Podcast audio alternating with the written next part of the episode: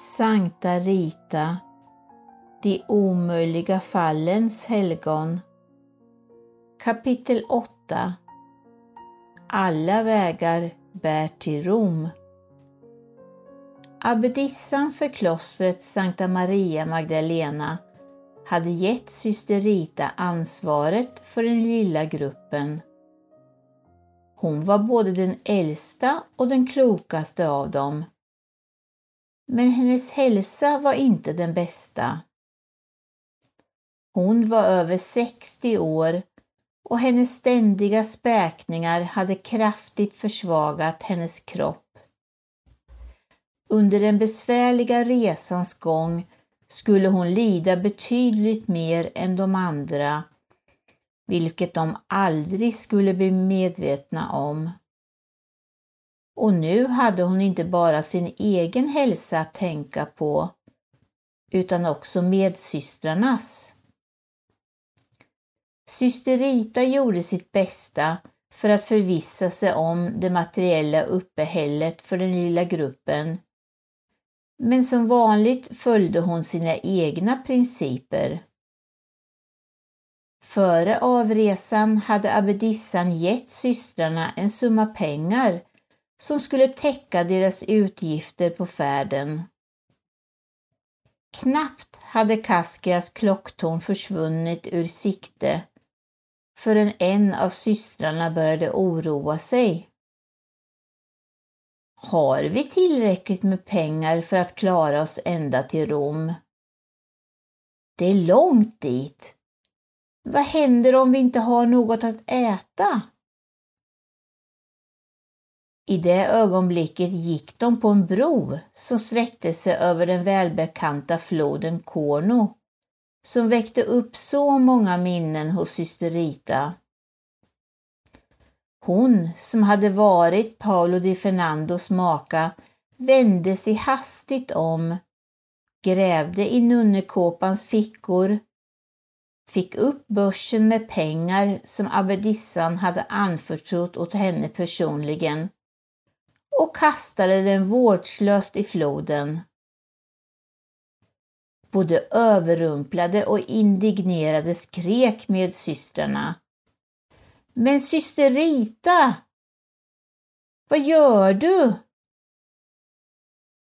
Jag förtröstar på Gud, svarade bekymmerslöst hon, som en dag skulle kallas de omöjliga fallens helgon. Det är inte lätt att föreställa sig hur de försvarslösa nunnorna klarade sig. De hade lämnat klostrets fridfulla lugn och den lilla staden Kaskia för att till fots ge sig ut i världen. Allt vändes upp och ner. De blev omilt behandlade, utsattes för olyckor och träffade obehagliga människor. De var tvungna att vandra i timmar, att sova och äta på ställen som inte var alldeles säkra. Men ju längre de kom, desto mer övertygade blev syster Ritas medsystrar om hur rätt hon hade haft i att de inte skulle oroa sig för morgondagen. På vägen vilade de ut i olika kloster eller i härbergen för pilgrimer. Ibland fick de dock nöja sig med att sova under bar himmel och leva på vatten och bröd. Men de behövde aldrig sakna det allra nödvändigaste. När resurserna tog slut fick de alltid hjälp med kost och logi. Resan som var lång och krävande hade mist äventyrets behag. Var och en reagerade på sitt sätt inför de problem som de stötte på.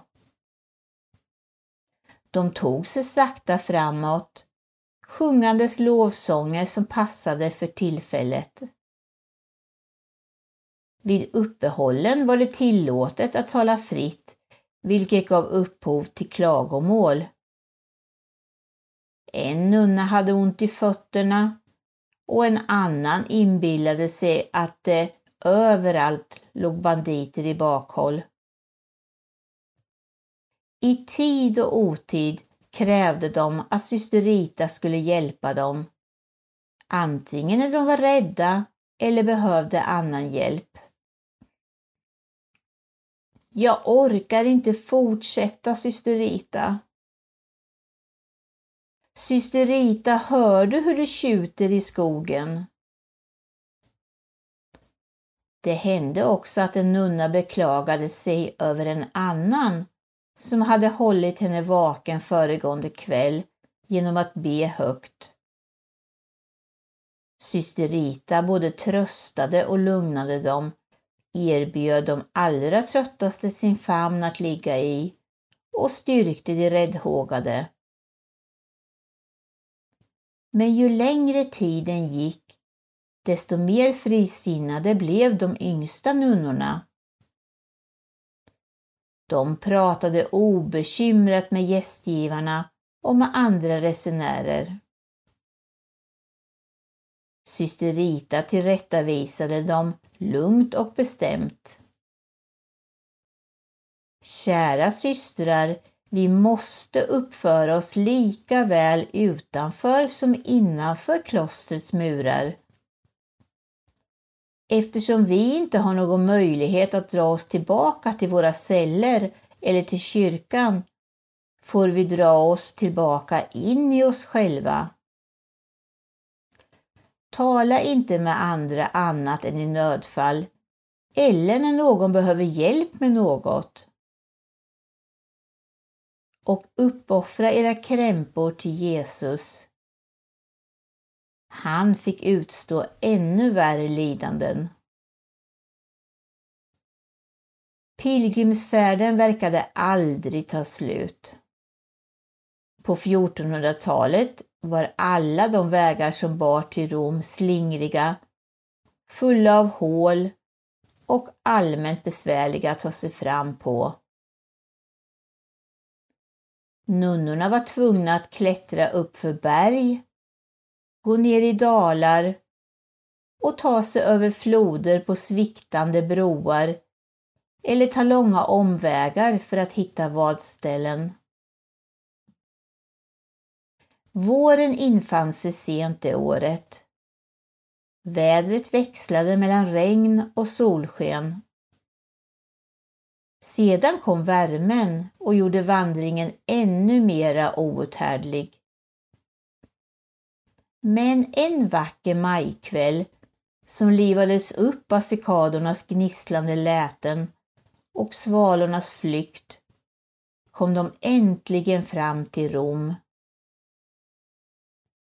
På en av den eviga stadens sju kullar sjöng de en tacksägelsesång för att prisa Gud som hade lett dem ända fram.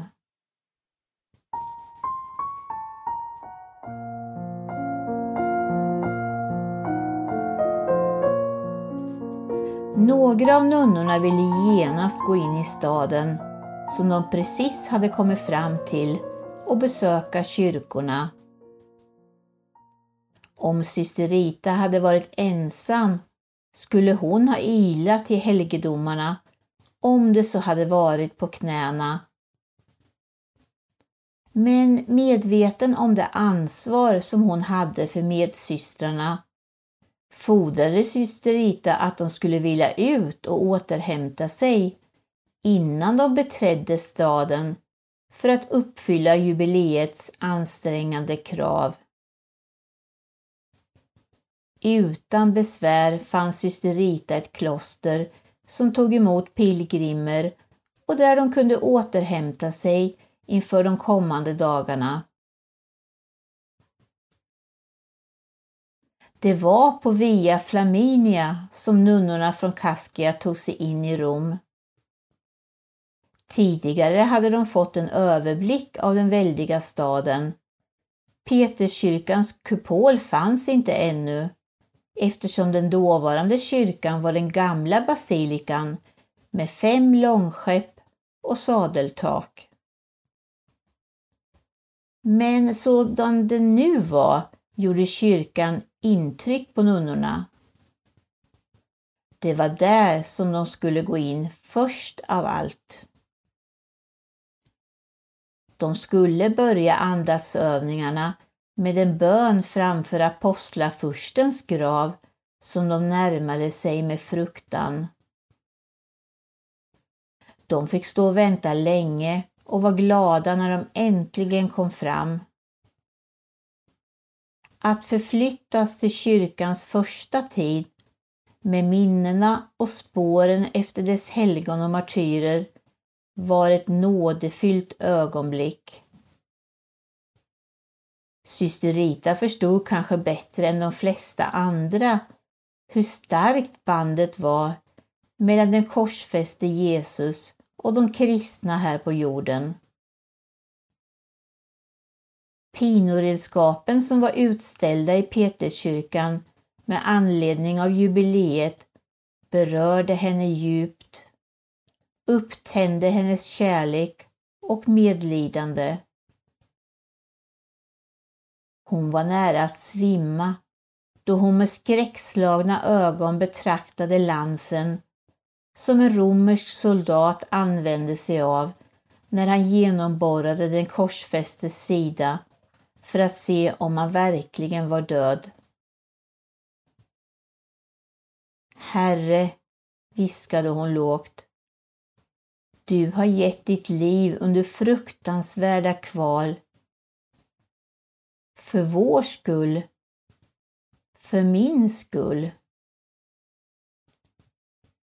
Törntaggen som hon fortsatte att plågas av, trots att såret var osynligt, fick henne i det ögonblicket att lida mer än någonsin för Kristus.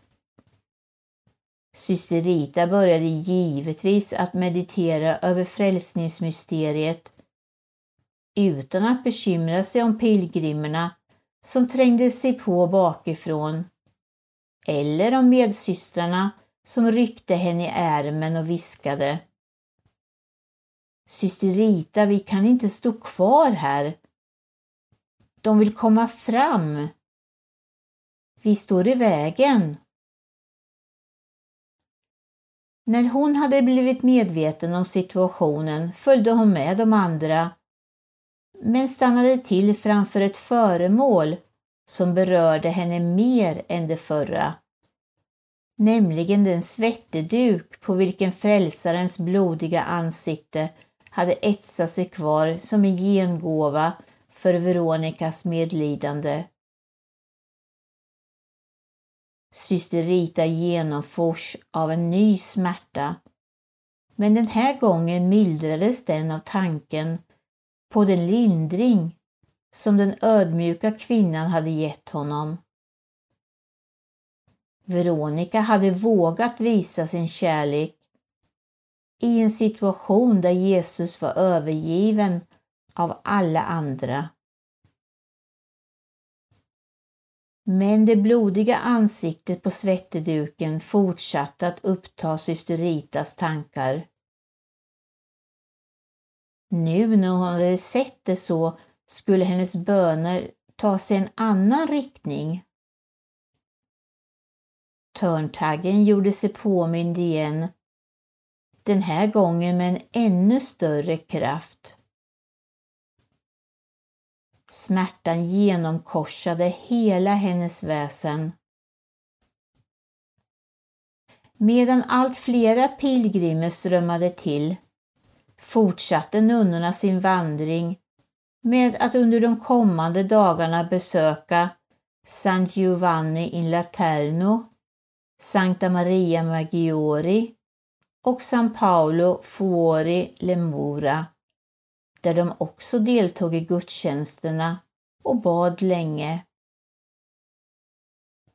De fick gå mycket, trängas och ofta stå och vänta i långa köer. För varje dag sken solen allt starkare i den dammiga staden. För syster Ritas del spelade det ingen roll hon brydde sig inte längre om hon svettades var hungrig eller hade ont i benen. Hon skulle gärna ha fortsatt utan uppehåll, men hon var tvungen att ta hänsyn till medsystrarna som inte var lika uthålliga. Fastän härdade av den långa resan visade de nu tydliga tecken på trötthet. Hon slog av på takten och lät dem vila ut mellan andaktsövningarna. Nunnorna från Kaskia var givetvis angelägna om att få påvens välsignelse. Från den offentliga audiensen där de hade glädjen att närvara fick de med sig andliga nådegåvor med sig hem till systrarna i klostret. De passade på att beundra Roms dåvarande byggnader. De ståtliga renässansbyggnaderna som senare skulle förhöja stadens skönhet hade inte uppförts ännu. Av den anledningen kunde hågkomsten av de kristna som förföljdes under antiken hållas levande i de mer eller mindre förfallna helgedomarna, där pilgrimerna nu bad på samma enkla sätt som de kristna under kyrkans första tid. Ingenting hade förändrats i katakomberna, där de första kristna hade gömt sig för att fira mässan. De hade förföljts skoningslöst och man kunde fortfarande följa deras blodiga fotspår till Colosseum, där de hade mött sin ohyggliga död. Deras enda brott var kärleken till Jesus. Nunnan som på vägen till Rom hade varit rädd för skogsdjuren ryste nu av fasa vid tanken på de lössläppta vilddjuren i arenan. I sina umbäranden, ansträngningar och försakelser kände systrarna samhörighet med de första kristna. De framställdes som föredömen för nunnorna. Givetvis lade ingen märke till syster Rita i folkmängden. Hon skilde sig på intet sätt från de övriga. Tillsammans med de andra pilgrimerna rörde hon sig framåt, stannade till på sitt långsamma sätt, knäböjde och ställde sig upp igen. Hon deltog i gudstjänsterna, lyssnade på predikningarna, gjorde korstecknet och svarade då hon skulle. Hon gjorde precis som alla andra. Då och då avslöjade emellertid hennes ansikte hur starkt påverkad hon var. Men på pilgrimsfärden lade ingen märke till hennes ansikte bland de andra i gruppen. Om medsystrarna hade varit mer uppmärksamma skulle de kanske ha förstått hur djupt påverkad hon var. Men de var själva så upptagna av allt de såg och upplevde att de bara gav henne en flyktig blick. De visste för övrigt att syster Rita alltid hade varit något av en mystiker. Strax före hemresan återvände nunnorna till Peterskyrkan för att delta i en gudstjänst som inte ingick i pilgrimsfärdens program, nämligen den offentliga helgonförklaringen av franciskanen Bernardino av Siena. Kyrkan var upplyst, hymner sjöngs och ett lovtal hölls över det nya helgonet i närvaro av högt ansedda personer. Det var första gången systrarna hade sett något liknande. Mitt i all denna prakt hördes knappt syster Ritas försiktiga steg under stenvalven. Ödmjuk stod hon bakom en pelare och följde uppmärksamt med i det himmelska firandet. Att klockorna några århundraden senare skulle ringa för hennes skull, vaxljusen tändas och hymner sjungas av tusentals människor, då hon i sin tur skulle helgonförklaras och kallas Sankta Rita,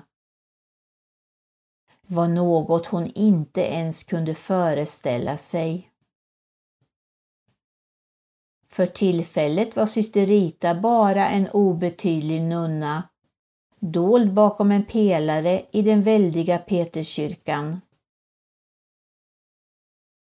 Även om hon inte var rädd av sig tänkte hon nu på den långa vägen tillbaka till Kaskia. Klostret Sankta Maria Magdalena låg långt bort.